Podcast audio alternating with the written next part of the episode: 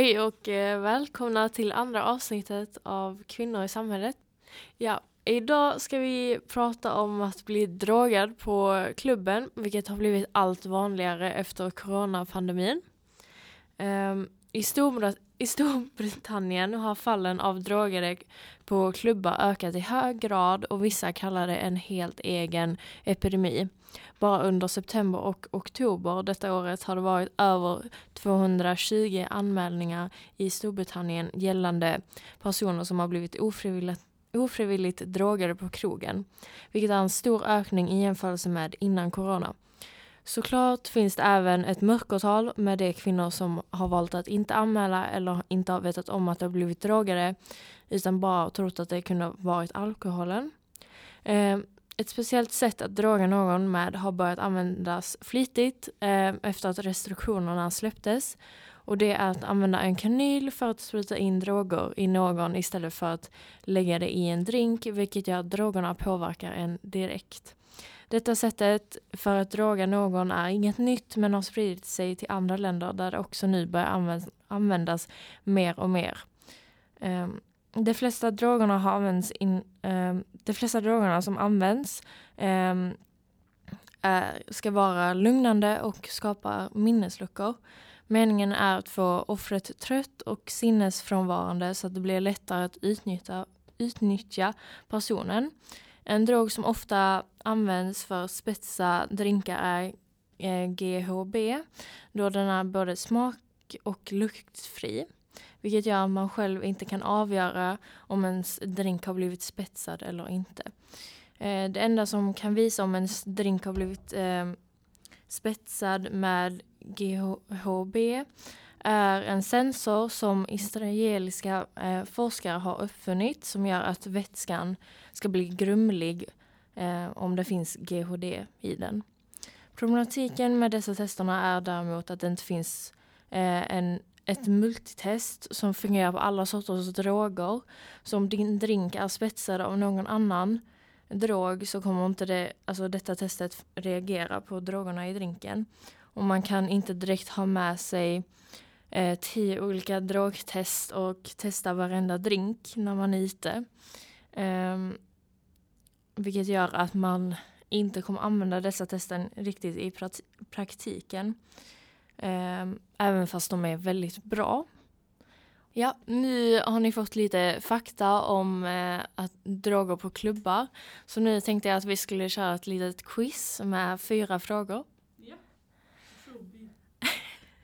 Um, första frågan är, i en studie från Psychology of Violence under 2016 eh, frågade de 6 000 amerikanska studenter från tre olika universitet.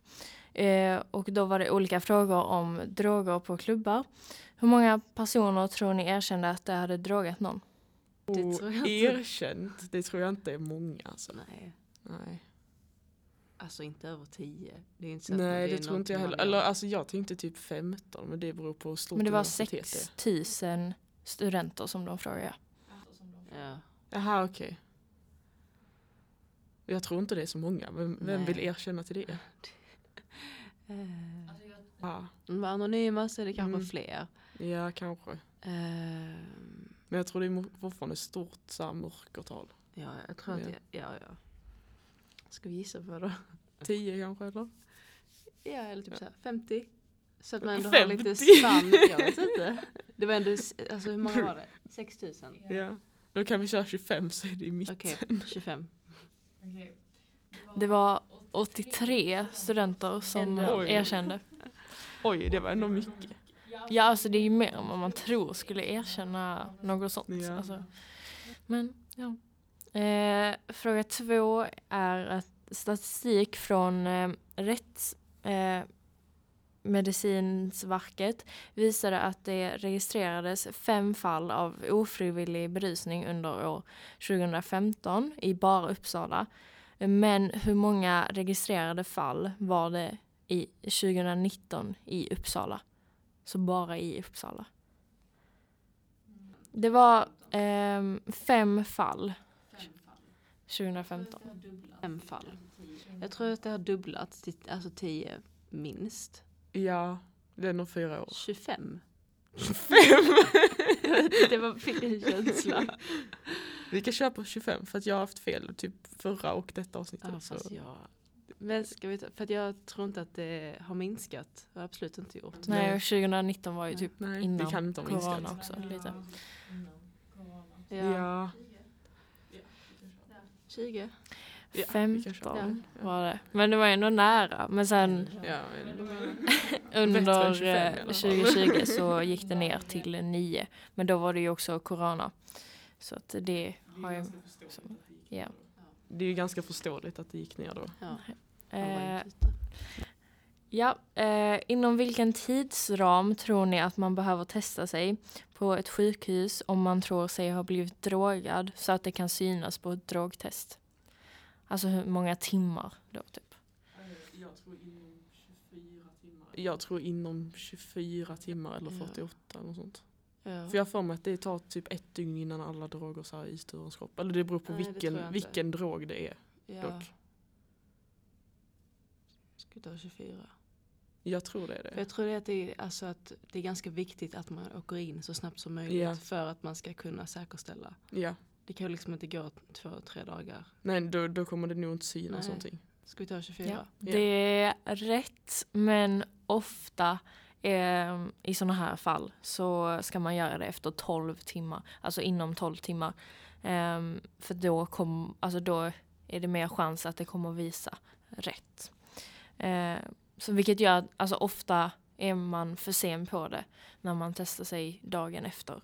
Ehm, så att eh, ofta ska man göra det direkt om man tror sig ha blivit drogad. Ehm, um, ja, jag nämnde in, innan att Storbritannien hade haft eh, 220 fall på två månader och att 24 av dem var att det hade använts en spruta. Eh, men hur många av de 24 fallen tror ni var i en och samma stad? Alltså jag har ju hört att det varit väldigt mycket i just en stad där, de har Ja. liksom, där kvinnorna har bojkottat och inte går ut Mhm. till klubbarna på grund av detta. Ja, var det inte... Jag, Alltså- tror, jag tror det var mer än 10. Ja, Ja. det tror jag. Mer än 50. ja.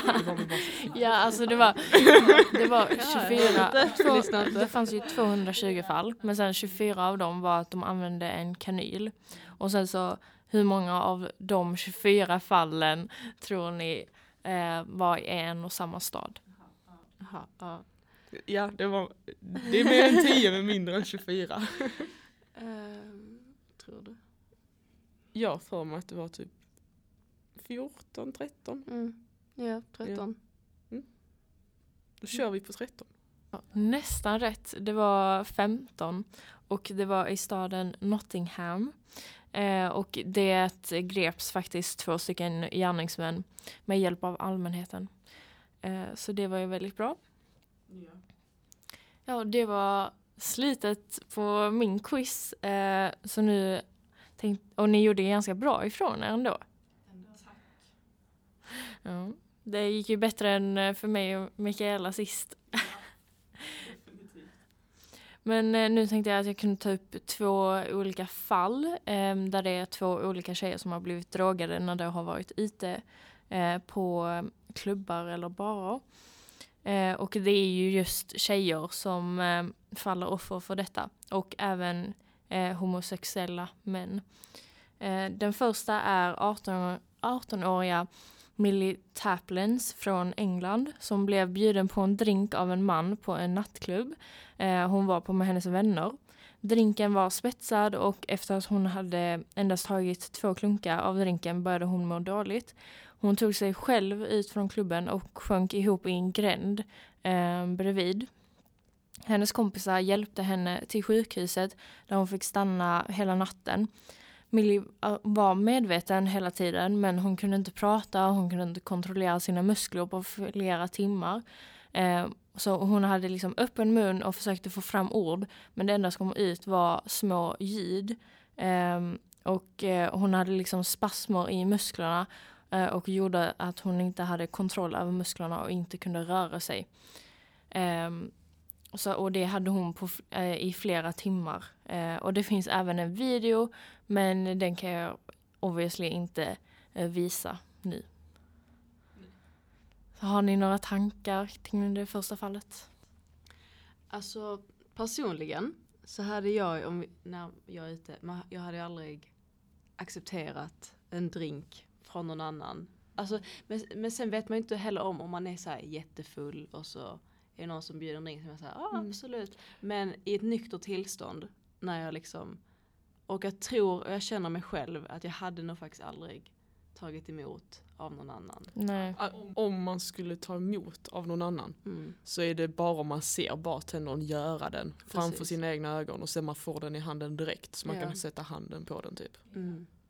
Men man är ju väldigt så här, man kan ju säga mycket när man är i ett nyktert tillstånd. Men sen vet man ju också så här att man har lämnat en drink, man har gått på toaletten, kommer tillbaka och sen dricker man den igen och så är man så här, oj, Mm. just det, man kanske inte skulle gjort det.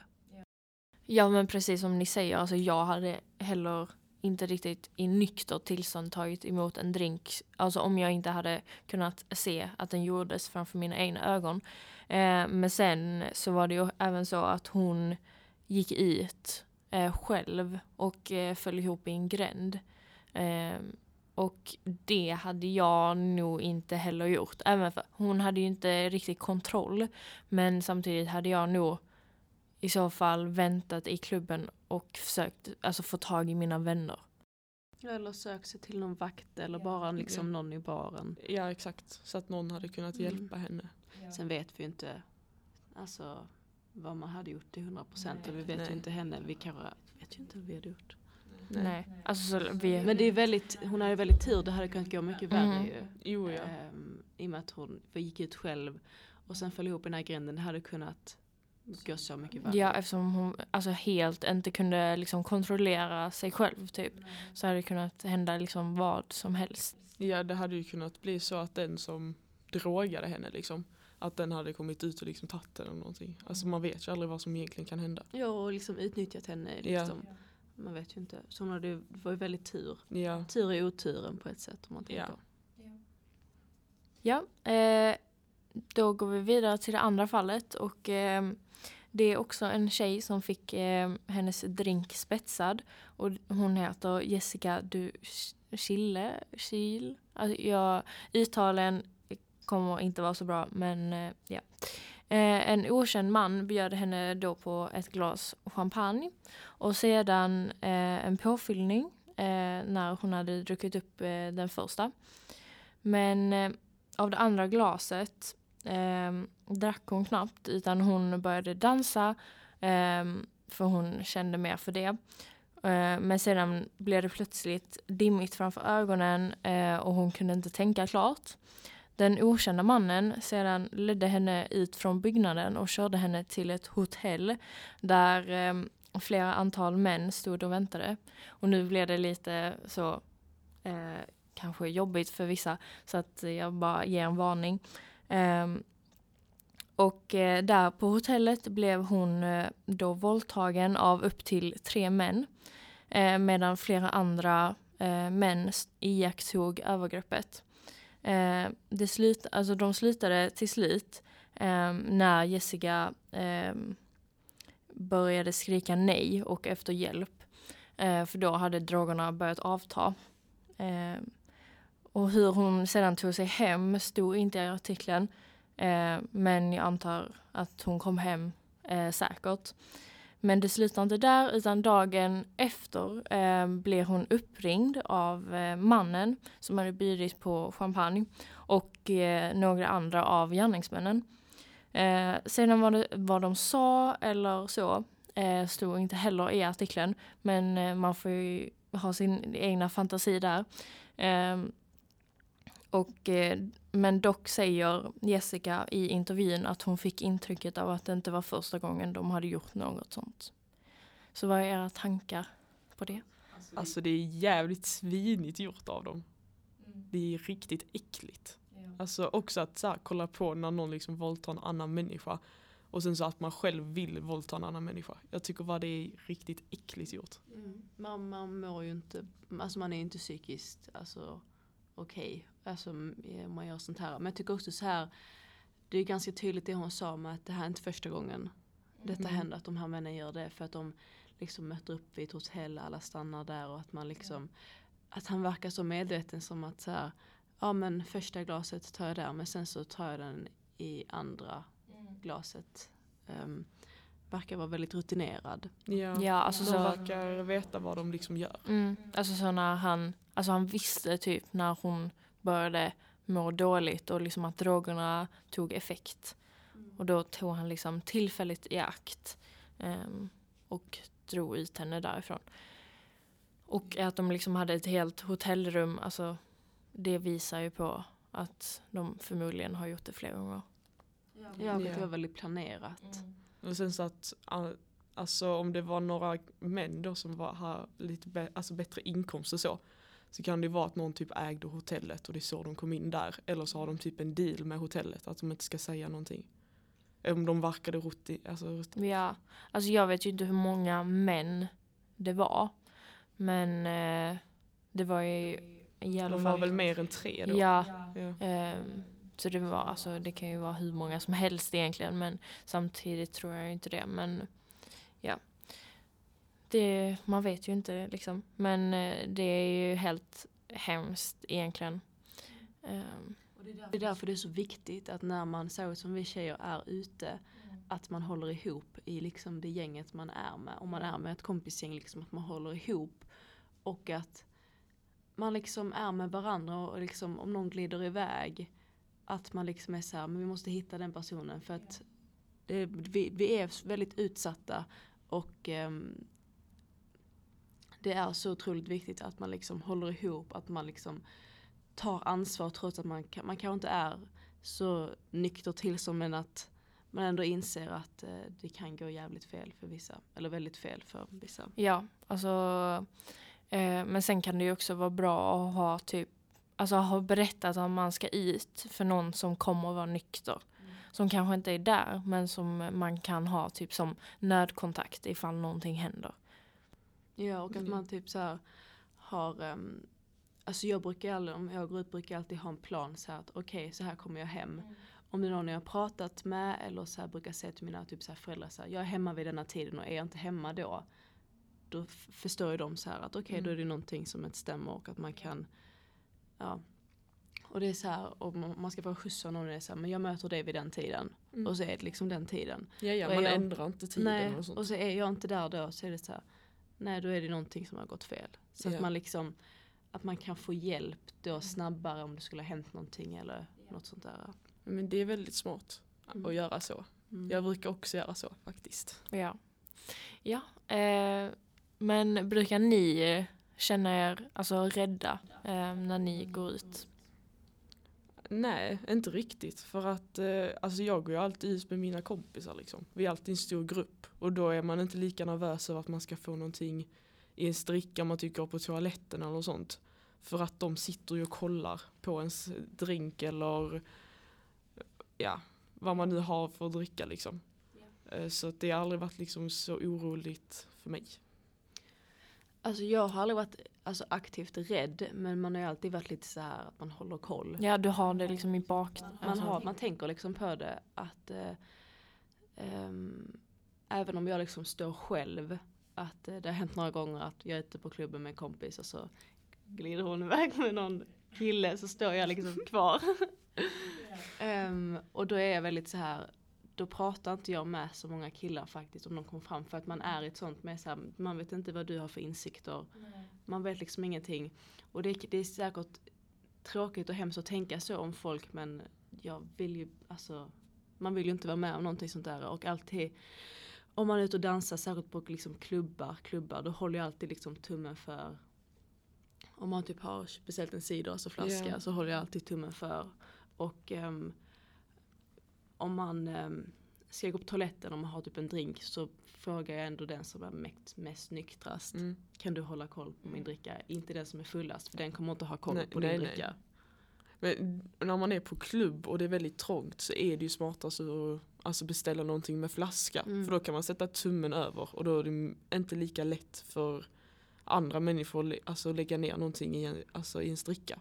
Nej. Så att det är ju ett tips att man ska köpa i flaska. Ja, alltså jag brukar, alltså om jag är på en eh, klubb där det är väldigt trångt och så, då brukar jag istället köpa en shot som man bara kan ta direkt istället för att ta en drink. Ehm, för att det inte ska liksom hända någonting. Ehm, så det tror jag också är ett bra tips. Om man, fast inte om man eh, kanske är så lättpåverkad eller så. Ehm, men eh, annars är det ett bra tips enligt mig. Och vissa gånger behöver man inte ens typ dricka alls. Alltså jag har varit på klubben några gånger och så har man kanske tagit en sida och sen man sen så här, ja det var det. Alltså så här, jag har ju roligt ändå. Man behöver inte alltid, um, nu tjejer man inte någon som vill dricka sig jättefull. Det gör man själv ibland. Men um, det är absolut inte viktigt att dricka hur mycket som helst. Nej, alltså man har ju kul ändå för att när man är i den miljön så blir, alltså den påverkar ju en utan alkohol också. Precis. Men, ja. alltså, men sen det här med att det börjar användas mer kanyler och så, det är ju svårare att skydda sig emot. Um, alltså så om du dansar eh, på en klubb, då kan du bara få eh, så en kanyl i låret utan att du kanske märker någonting. Och det tror jag också kommer att bli ett stort problem när det sprider sig ännu mer till andra länder. För nu är det ju, var det ju ett stort problem i eh, Storbritannien. Men eh, det håller ju på att sprida sig ännu mer. Så jag tror jag är alltså, mer rädd för det än eh, att bli, um, alltså att min drink blir spetsad. Eh, så om man har tjockt material, alltså jag menar klädesmässigt, då är det väl inte, det kan väl inte vara lika lätt då att uh, kunna spruta in någonting. Ja, alltså de kan egentligen alltså, spruta in det var som helst i kroppen. Ja. Bara ha en tröja, alltså en liten t-shirt och så kan ju de bara ta igenom. Eller i, alltså på handen. Så, då kan, så man kan inte riktigt göra någonting själv? Nej. Alltså klädesmässigt, nej. Det nej. Är ju... och, det är det, och det är det så här, man blir typ på ett sätt så trött att oavsett liksom hur långt in man kommer i utvecklingen med just det här att kvinnor är så utsatta så hittar förövarna ändå alltid någonting sätt. Alltså de, så här, de lär sig liksom inte och det är så mycket Alltså med en spruta som man känner, och det är så tätt, man vet ju själv när man går ut, det kan ju vara så tätt ibland att man står liksom nästan på varandra. Yeah. Och um, man är aldrig säker. Och det tröttar man ju på, typ man är så här, vad, vad kan man göra liksom? Man kommer alltid vara utsatt. Ja. Så att, ja. Nej men det är väldigt synd för jag vet ju om att, jag är säker på att era föräldrar också liksom sagt det, men typ när de har varit ute själva, de har aldrig riktigt behövt vara så oroliga för samma saker som vi behöver vara idag. För att de hade det lite, alltså de hade det lite lättare, de behövde fortfarande vara oroliga för det. Men det var inte på samma grad som vi har det idag. Och det är väldigt synd, för jag hade ju velat göra samma saker som mina föräldrar gjorde liksom. Men det går inte riktigt för att man vill liksom inte bli neddrogad eller... Ja men exakt. Um, det blir ju alltså svårt att uh, så inte känna sig rädd um, för, no alltså, för att någonting ska hända när man är ute. Men uh, exakt det som vi sa innan med drinkar och så att uh, om du beställer en cider kan du ha tummen över. Sen finns det alltså sådana um, lock du kan köpa Ehm, för att ha på drinkarna. Eh, så att alltså, det inte kan eh, hamna någonting i den. Ehm, men det med att liksom få en sprita i, i sig, det går ehm, inte att skydda sig emot på samma sätt. Alltså det finns ingen lösning på det för att eh, det, de kan, alltså förövarna kan ha eh, den kanylen typ var som helst Eh, och vakter och så kan inte liksom eh, alltså hitta den så enkelt för de kan ju inte söka igenom en hel person. Ja, de kan ju inte visitera på, på, på vilket sätt som helst liksom. Ja och sen så visitera alla som ska in också, det kommer ju ta en evighet. De, de, kollar, ju, gå. de kollar ju tjejers väskor. Ja. Eh, men de kollar inte killars jackor eller något sånt där, jag, har jag aldrig sett. Nej, inte heller. De kollar ju tjejernas väskor. Ja, det är typ, eller alltså om killar också har väskor så brukar de ju kolla ja, dem också. Ja, då kollar de det. Men det är aldrig så att de är så här, jag får ja. känna i din jacka. Ja, det borde de egentligen vara för att man ska kunna, alltså så att det inte ska bli typ mer. Ja, om de kollar, oss, om de kollar oss tjejer kan du lika gärna kolla killarna liksom. Exakt. Tycker jag. Mm. I och med att, alltså så här, klart man, vi tjejer, att det finns vissa som har med sig så här, smugglar in egen dricka. Men om vi nu ska göra något åt det här problemet så måste man ju först börja från var problemet kommer ifrån.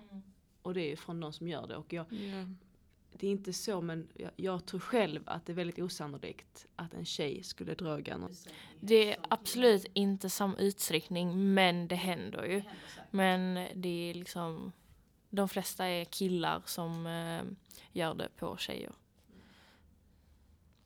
Så att det är ju ett ganska stort problem och jag tror det kommer bli alltså, ännu större problem um, nu när det släpps ännu mer restriktioner Um, och coronan kommer, när den liksom är slut um, eller om den blir slut liksom. Men uh, ja, det blir en ganska jobbig situation Uh, utan någon riktig lösning. Men uh, ja, det, jag tycker vi har fått en bra diskussion och eh, vad ska vi snacka om i nästa avsnitt? I nästa avsnitt är det jag som håller i eh, och då kommer vi prata om stereotyper och olika normer i samhället för kvinnor. Ja, hej då eh, och vi ses nästa vecka.